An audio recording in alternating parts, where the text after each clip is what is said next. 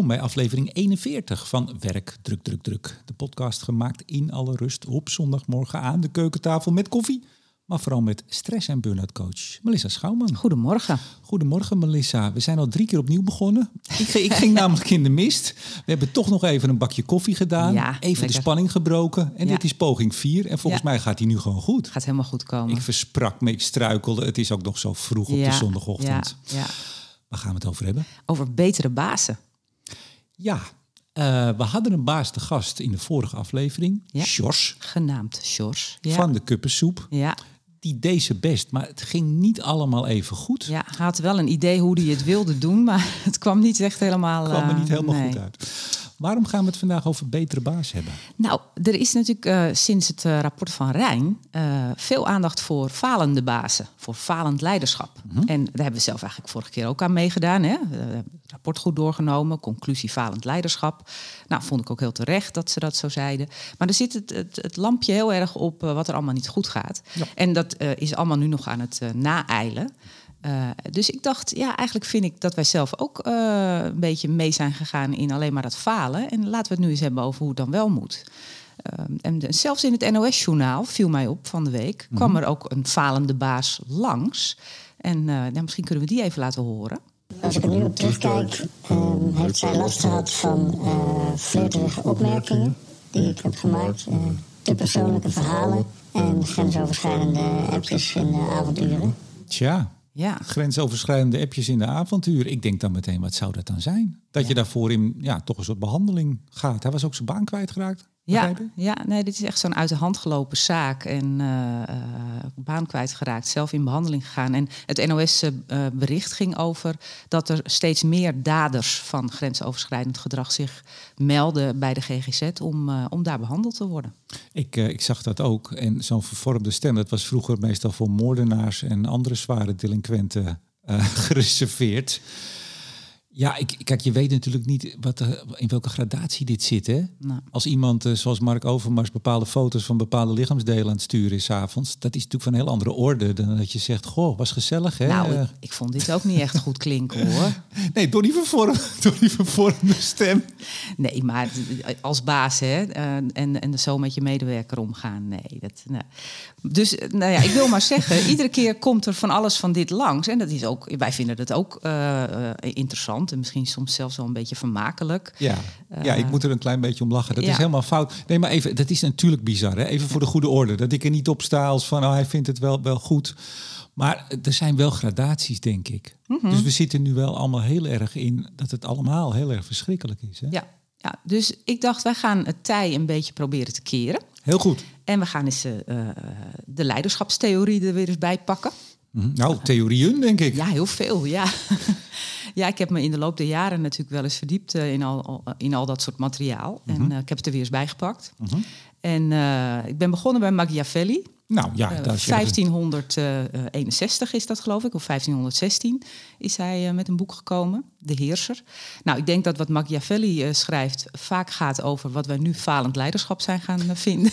Hij, hij had het al over Sjors. Hij had het al over een soort van sjors, ja, macht en eh, eh, nou, ja, de mensen om je heen moet je niet te veel vertrouwen. Ja, geen appjes sturen s'avonds naar je medewerkers. Nee, nee. Niet doen.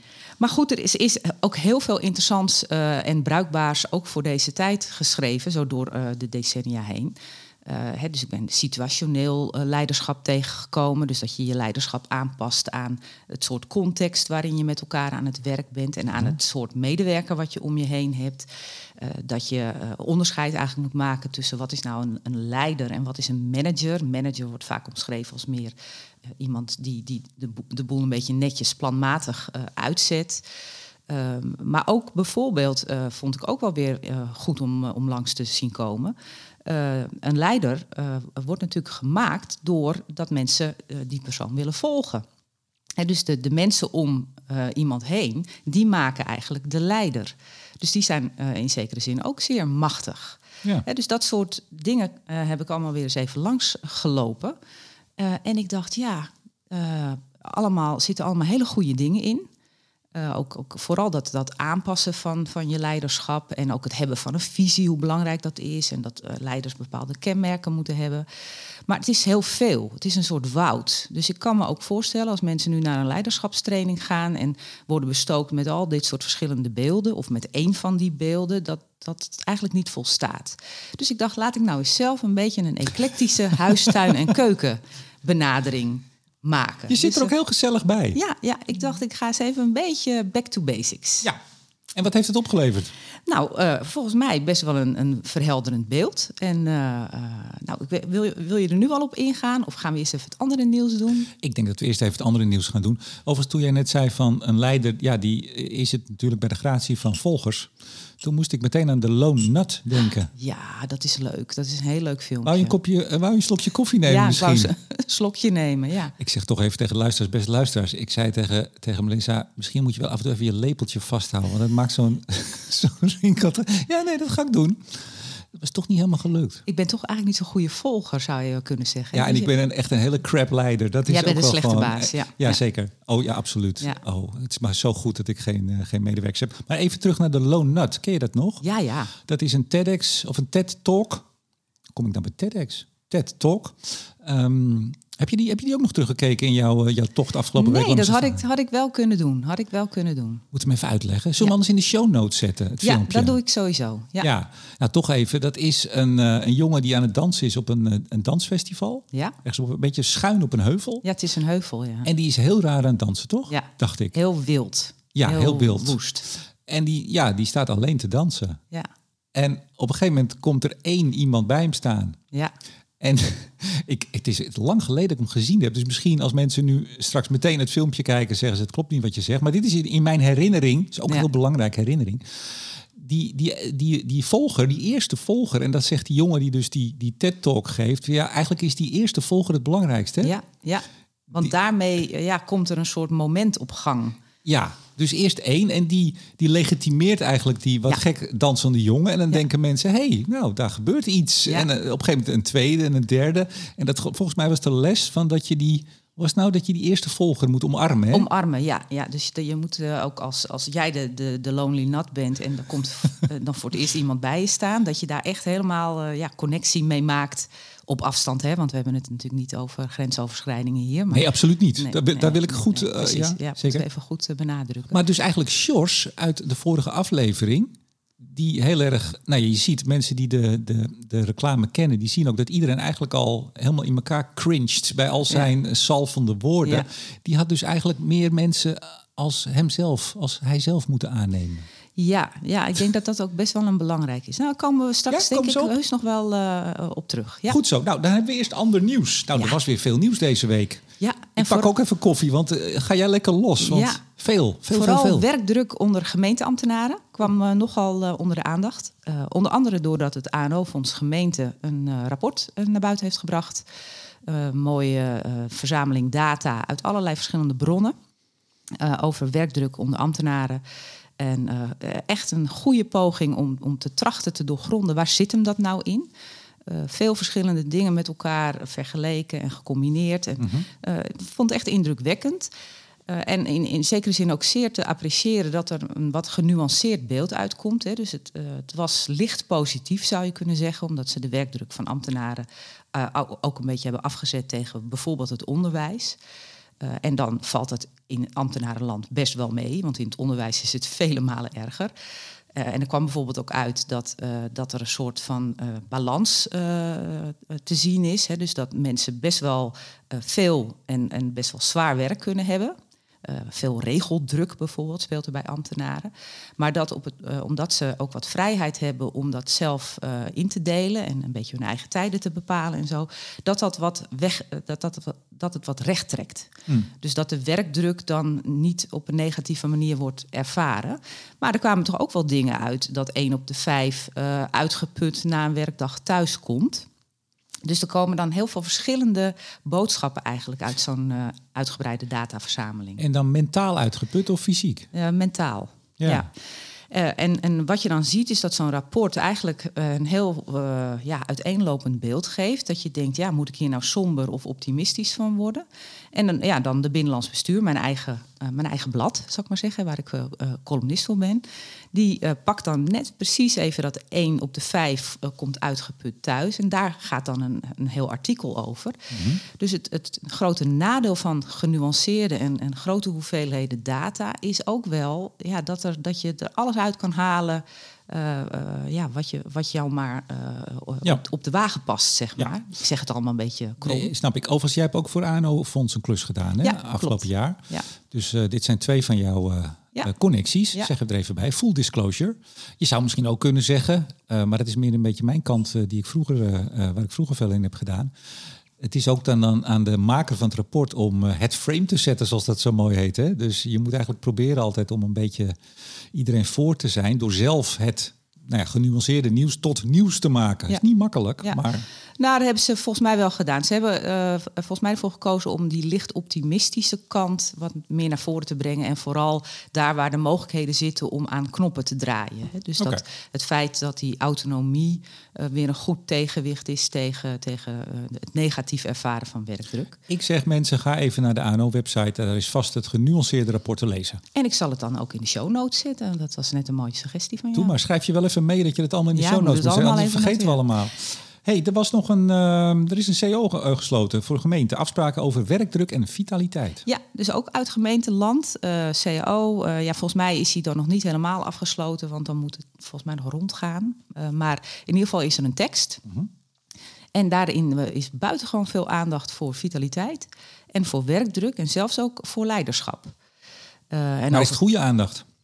Ja, eh, altijd natuurlijk een beetje in algemeenheden. Hè? Maar uh, over eh, vitaliteit wordt in ieder geval wel een concreet iets afgedwongen bij alle gemeentes. Namelijk dat alle gemeentes een, een vitaliteitsbeleidsplan moeten hebben. Waarin onder andere over werkdruk staat dat ze daar periodiek een meting op moeten loslaten. Uh, en over werkdruk uh, op zichzelf wordt gezegd. Er wordt geconstateerd dat de werkdruk ver, verhoogd is. Uh, minder mensen en, en uh, ja, meer uh, eisen en wensen van de burgers. en dat daar echt aandacht voor moet zijn en dat er goed geprioriteerd moet worden.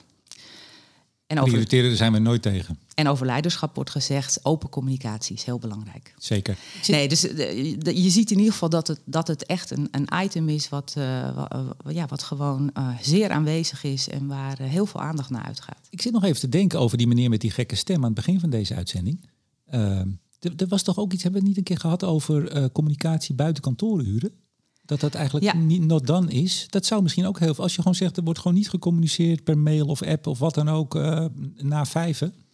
Dan ben je misschien ook een aantal van dat soort dingen kwijt. Ja, ja, ja dat neemt natuurlijk niet weg dat, dat, dat blijkbaar zijn flirterigheid en zijn uh, gevoelens voor bepaalde medewerker of medewerkers. Ja, dat kan je ook voor vijf kan je dat uiten. Ja, ja. ja dat, is, dat zit natuurlijk gewoon echt niet zo, niet zo goed. Nee, maar het, het feit dat je überhaupt, want dat vind ik ook hoor. Het, ja, ik heb geen baas, maar het lijkt mij echt heel vervelend als mijn baas mij om half acht een mail stuurt gewoon puur werkgerelateerd, ja, dan ga je er toch naar kijken. Ja, je, ja nou, moet ik dan morgen weer mee? Ja, dus je kan ook wel een beetje uh, uh, geagiteerd raken door mail. Hè? Dus zeker als het iets is waarvan je denkt, oeh, daar heb ik nog niet meteen een antwoord op. Of oh, dat was ingewikkeld. En ai. En dan heb je eigenlijk je hele avond zit je al in je hoofd met dat werk. Nee, mensen, laat je mensen met rust buiten kantooruren. nou, dan is mijn laatste nieuwtje, sluit daar misschien op aan. Kijk aan. Uh, want ik ben natuurlijk altijd in een, in een soort zoektocht naar allerlei informatie over werkdruk. En, uh, Kom je nog wel aan je werk toe uh, door de ja, week? Ja, dat wordt bijna ingewikkeld. Nee, er, er is een, een zelfinspectietool, heb ik gevonden, van hmm. de arbeidsinspectie. Een zelfinspectietool op werkdruk en ongewenst gedrag. Dus dat is een uh, soort overzichtje waarin uh, organisaties of, of HR-professionals die bij organisaties werken even kunnen langslopen. Hoe zitten wij nu? Het is nogal beleidsmatig hoor. Het gaat ook vooral in op heb je wel een risico-inventarisatie en heb, je, heb je instrumenten klaarstaan tegen werkdruk en zo. Maar best grappig. Dus ook die zal ik dan in de show notes zetten. Schrijf je het op? Ja, ik schrijf het op. Oh, je luistert hem altijd nog even terug hè, voordat ja. je hem online zet. Ja. Ja, nou komt vanzelf allemaal langs. Ja. hey, we gaan terug naar de betere bazen. In tegenstelling tot, uh, wat kwam jij nou tegen? De bullenbakbaas. Vond ik zo'n mooi woord? Ja, de bullenbakbaas. Ja, dat was een van die artikelen uh, die ik tegenkwam uh, naar aanleiding van Van Rijn. Waarin dan een soort suggestie werd gewekt. Nou, nou, nu gaan we vertellen hoe het wel moet. En eigenlijk was ik dan toch weer teleurgesteld aan het einde van het, van het artikel dat ik nog niet zoveel te weten was gekomen over hoe het wel moet. Misschien zijn mensen straks ook teleurgesteld over een kwartier als deze podcast klaar ja. is. Nee, dus daarom dacht ik ook, ik ga zelf, uh, ik ga zelf echt, uh, een, een, mooi frame uh, maken. Terug naar de betere bazen. Wat is nou de, de huistuin- en keukenbenadering? Je had het er al even over, hè? Ja. Die, nou, die ook luisteraars kunnen, kan helpen. Ja. Nou, ik denk dat we allereerst eens moeten beginnen met de zaak wat versimpelen. Ja, want al die theorieën en zo, het loopt allemaal door elkaar. En eigenlijk is, ons, uh, is onze werkende wereld best simpel geworden. Namelijk, we weten dat medewerkers het best uh, functioneren, optimaal functioneren, als ze betrokken zijn, als ze competent zijn en als ze enige mate van autonomie hebben. Ja. Varieert natuurlijk wel of je net nieuw op de arbeidsmarkt aan het werk gaat of wat voor werksoort je hebt. Maar deze componenten zijn voor iedereen die werkt wel van belang. Mhm. Dus daar hoeven we eigenlijk niet heel ingewikkeld over te doen. Dat is dus heel belangrijk. Er is ook, is ook geen controverse over. Nee. Nee. Dit is het. Als je mensen goed wil laten functioneren, dan zijn dit uh, eigenlijk de componenten die van belang zijn. Ik zit dan ineens te denken aan DC en Ryan. Ja, dit is ook de theorie, de, de zelfbeschikkingstheorie van Deci en Ryan. Ja. Va vaak langsgekomen in deze podcast. Is vaak langsgekomen. Ja, is gewoon een, een kei van een theorie. En, uh, Kijk hoe. Ja, precies. En daar, daar kan je geen gaten in schieten. Dus dat rondom medewerkers. Organisaties. Daarvan kunnen we ook vaststellen dat er eigenlijk geen organisatie meer bestaat en geen afdeling en geen team, waar niet de, de kern van de zaak is dat je moet leren omgaan met een veranderende omgeving. He, vroeger had je nog wel eens van die omgevingen die echt uh, uh, nou, 100 jaar hetzelfde bleven. Dat is echt voorbij. Bijna alle uh, organisaties, of ik zou eigenlijk willen zeggen alle organisaties, zijn bezig om steeds te kijken wat is er weer aan het veranderen in onze omgeving en hoe. De, de enige constante is verandering. Precies, dat is een hele mooie. Ja. Dus als we die twee componenten nou gewoon aannemen. Ja, dan, ja, dan betekent dat volgens mij iets voor leiderschap. Voor Ja. hoe je dan een goede baas kunt zijn in en dat dan is de vraag natuurlijk, wat dan? Ja, wat dan, hè? Ja. Heb jij een idee trouwens? Nou nee, ja, daar kan ik, daar kan ik heel ingewikkeld over doen. Of, of heel simpel. Ik, ik zit hier helemaal niet in. Nee, maar ik heb altijd, nou goed, dat weten mensen die wat vaker luisteren. Ik heb altijd voor mezelf gewerkt. Ja. Ik heb één keer, twee jaar lang, twee medewerkers gehad. Nee, sorry, eh één jaar lang twee medewerkers gehad. Mm. Eh, ik vond het wel heel eh, interessant. Ja. Vooral het, eh, daar gaan we het zo nog over hebben, werving en selectie. Ja. Ik heb toen voor mezelf ontdekt met twee mensen maar hoe ontzettend belangrijk het is. En dat wist ik ook wel. En daarom heb ik daar ook veel tijd in gestopt. Wie, ja, wie haal je nou binnen? Ja, ja, dat is een hele goeie. je Want zegt. ja, je kan, ja, weet je, je kan allerlei ideeën hebben en sessies met je medewerkers. Maar als, je gewoon, als, het, als het niet matcht, Ja. als het niet matcht binnen de organisatie, als medewerker en leidinggevende niet matcht of whatever, ja, forget it. En in Nederland kom je gewoon niet zo snel, klinkt een beetje cru, van je mensen af. Ja, ja, In Amerika is dat anders. ja, Dan neem je afscheid, eind van de dag, eh, pak je doos en weg. ja. En morgen heb je een andere baan. Ja, dat is een heel cruciaal punt wat je daar zegt. Dus, eh, ik ga straks nog meer zeggen over die baas. Maar ook de, de match tussen de medewerker en de werkcontext is heel belangrijk. En die baas speelt daar wel een belangrijke rol in. Want hij of zij is degene die eh, de visie heeft over wat voor soort werkcontext hebben we hier. Maar die ook eh, juist in zo'n proces van werving en selectie daar helder over moet zijn naar die eh, eh, mogelijk nieuwe medewerker toe. Ik heb zelf bijvoorbeeld, had ik altijd een soort droom als kind al. Eh, ik vond reclames heel erg leuk. Dus ik dacht, de reclamewereld, dat is echt, daar, daar wil ik in werken. Dat is een hele leuke wereld voor mij. Dat, dat, ik vind die filmpjes leuk en ik vind alles wat daaromheen zit leuk. Eh, dus ik ging eh, in mijn eerste pogingen om eh, aan werk te komen, ging ik ook eh, eh, solliciteren bij, bij reclamebureaus. Ben daar eh, achteraf gelukkig niet aangenomen. Want veel later eh, ben ik erachter gekomen door een, een bevriende collega van mij, die eh, inderdaad eh, bij een reclamebureau aan het werk is gegaan, dat dat een, een, een wereld is die zou mij echt helemaal niet passen. Daar zou ik echt, dat, dat zou gewoon echt een hele rare match zijn geworden. En daar gaat het natuurlijk vaak mis. Dat, dat mensen ook in werkcontexten gaan zitten omdat ze daar toe aangetrokken werden en eigenlijk niet zo'n beeld hebben van wat daar allemaal van ze gevraagd wordt. Ik liet die, de, de mensen die kwamen solliciteren, die liet ik uh, exact het werk doen in een uur. Ja. Als test. Wat ze moesten gaan doen. Ja. drie ehm, persberichten omwerken tot nieuwsberichten. Het ging ja. voor een website. Ja. En het hoeft ook niet perfect te zijn, maar ik wilde wel kijken van hoe, hoe pakken ze dat aan en ja, hoe functioneert dat? Ja. Nou, het was, was interessant. Nee, maar daar, daar zeg je iets heel goeds. Hè? Dus wat betekent dat dan voor een baas? Dat je goed nadenkt over wat, wat is hier nu belangrijk in deze werkcontext en wat voor soort mensen passen daarbij. En hoe kan ik zorgen dat, dat de, de uh, verbondenheid tussen die mens en dat wat we hier aan het doen zijn, dat dat goed is. Want als jij een soort droombeeld hebt van, het, het uh, van die context en denkt dat dat allemaal uh, zo is wat jij in je hoofd hebt en het blijkt helemaal niet waar te zijn, daar gaat het vaak al mis. Ja. Dus het hebben van een visie is echt wel heel, heel cruciaal voor een, voor een leidinggevende. Visie, wat vraagt er nog meer van de baas?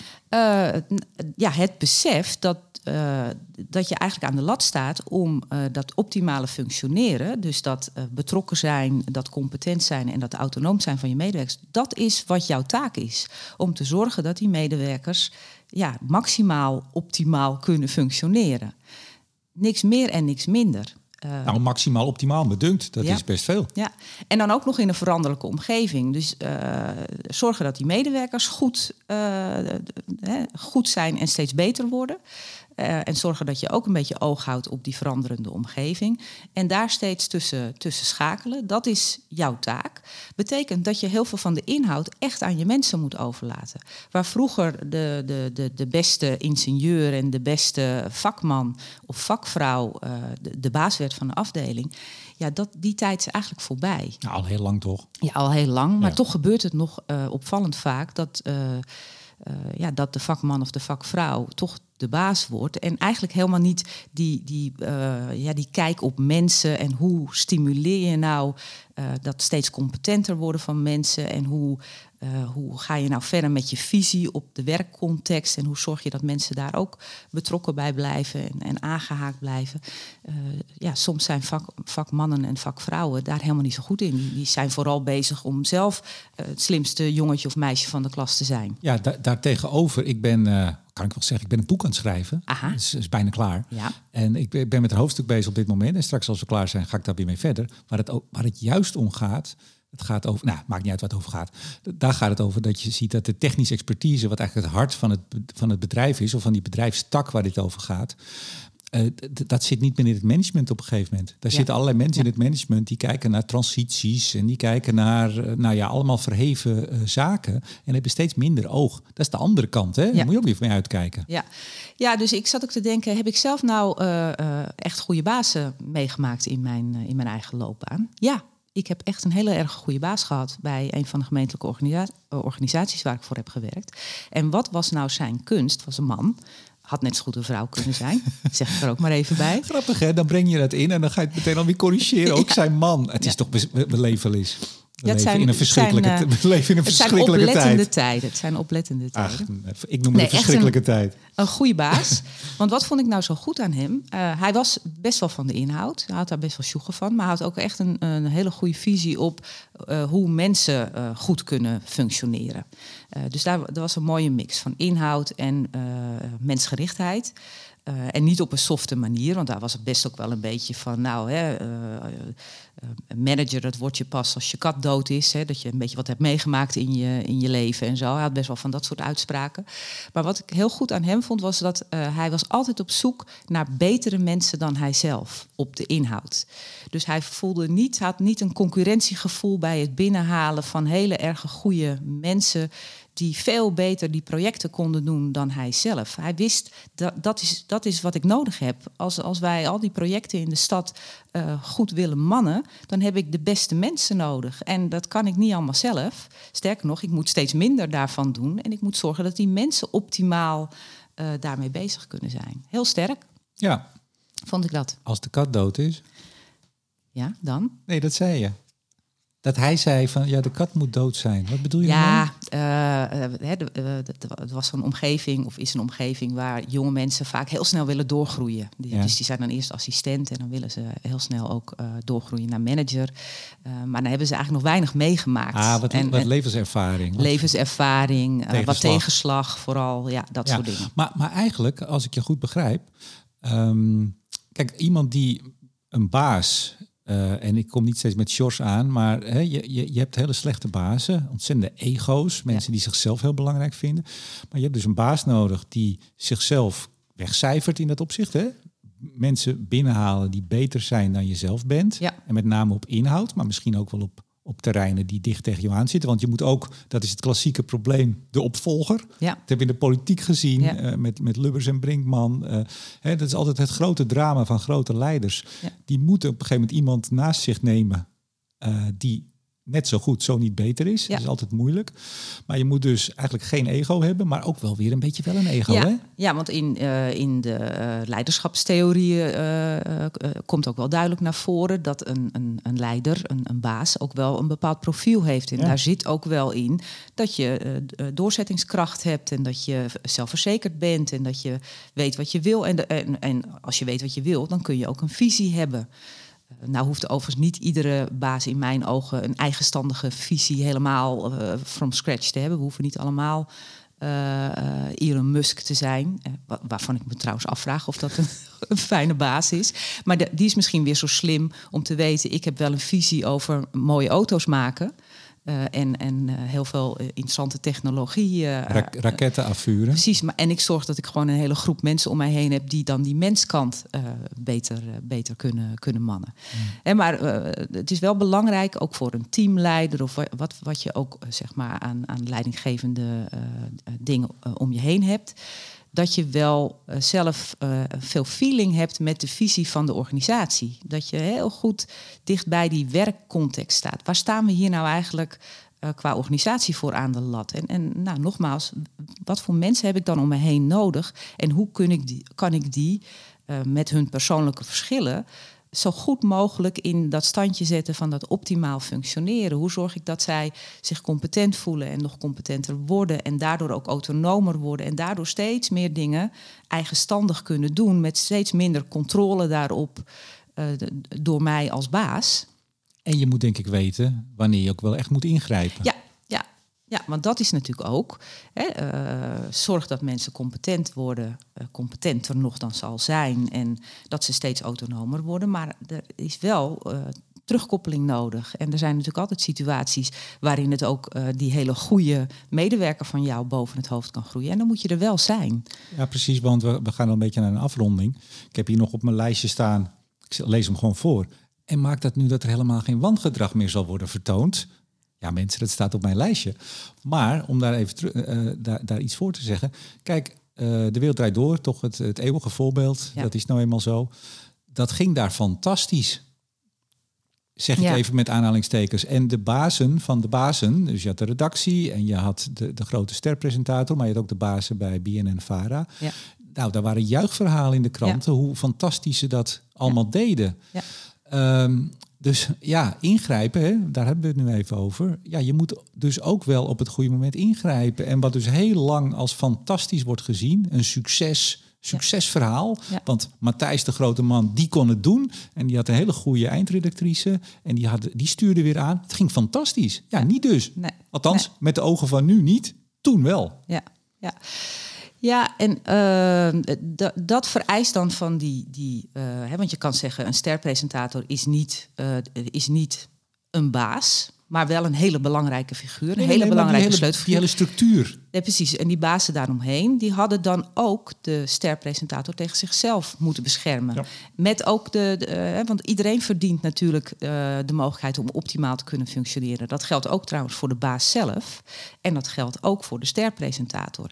En dan moet je toch het mooie midden zien te vinden tussen, hé, hey, uh, het is een kanjer. En juist dat is een hele verbindende factor in onze organisatie. Want natuurlijk trok ook zo'n sterpresentator, trekt zo'n sterpresentator massa's aan hele goede redacteuren en de redactrices naar binnen.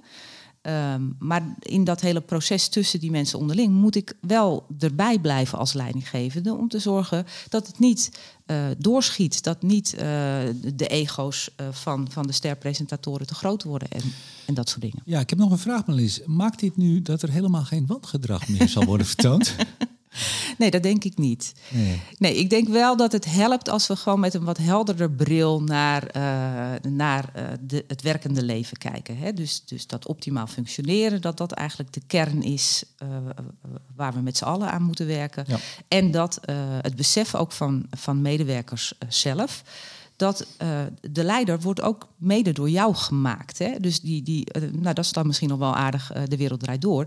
Als die redacteuren onderling veel meer verbondenheid met elkaar hadden gehad, hadden ze ook kunnen weten, ja, maar als wij met z'n allen hier de stekker eruit trekken, dan hebben we dus ook helemaal geen programma meer.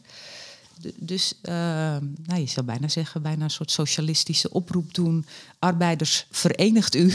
Ja, en, en ik vind zelf nog wel, en dan kom ik toch tot slot uh, op Sjors terug.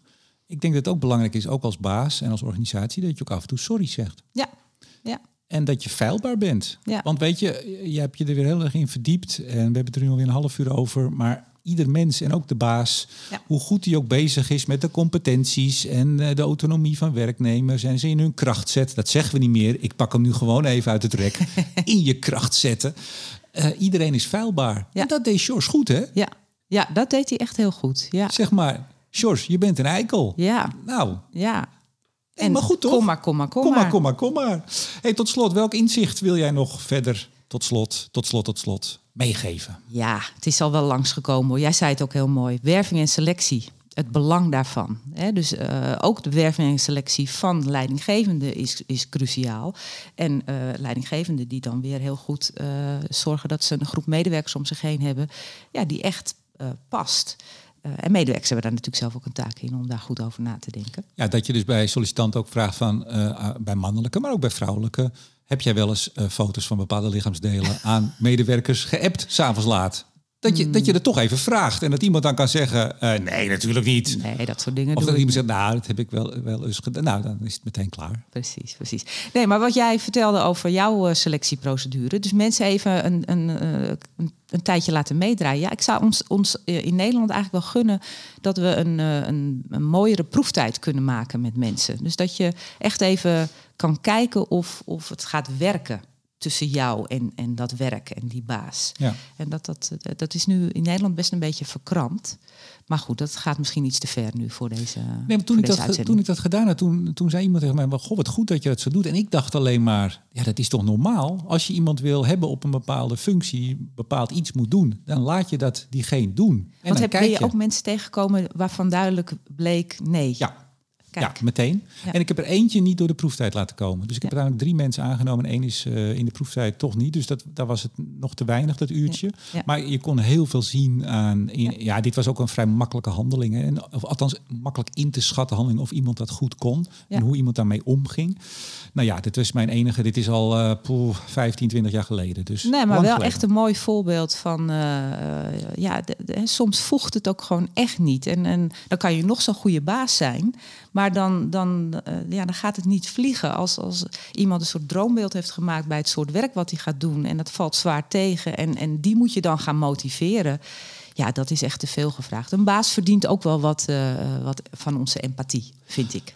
Als luisteraars nou uh, goede tips hebben, of leiderschapsvoorbeelden, of vragen of opmerkingen, is er dan een, manier om, om met jou in contact te komen? Nee, nee, nee. Ik ben, ik ben niet uh, toegankelijk wat dat betreft. Ik denk dat jij wel een, een e-mailadres hebt. Wat is ja, dat? Ja, info at melissaschouwman.nl Schouwman met OU, zonder W. En Melissa met 1 L en 2 S'en. En er is ook zoiets, dat heb ik van de week pas ontdekt hoor, ik wist dat niet, maar er bestaat iets als so, social media. Heb je dat ook? ja, dat heb ik ook.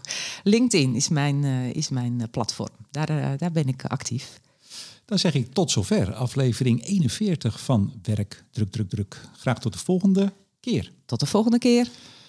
Ik, ik ben zo onder de indruk van jouw koffieset skills. Zou jij misschien een kopje koffie voor ons kunnen zetten. Denk je dat ik competent genoeg ben? Denk het wel. Oké.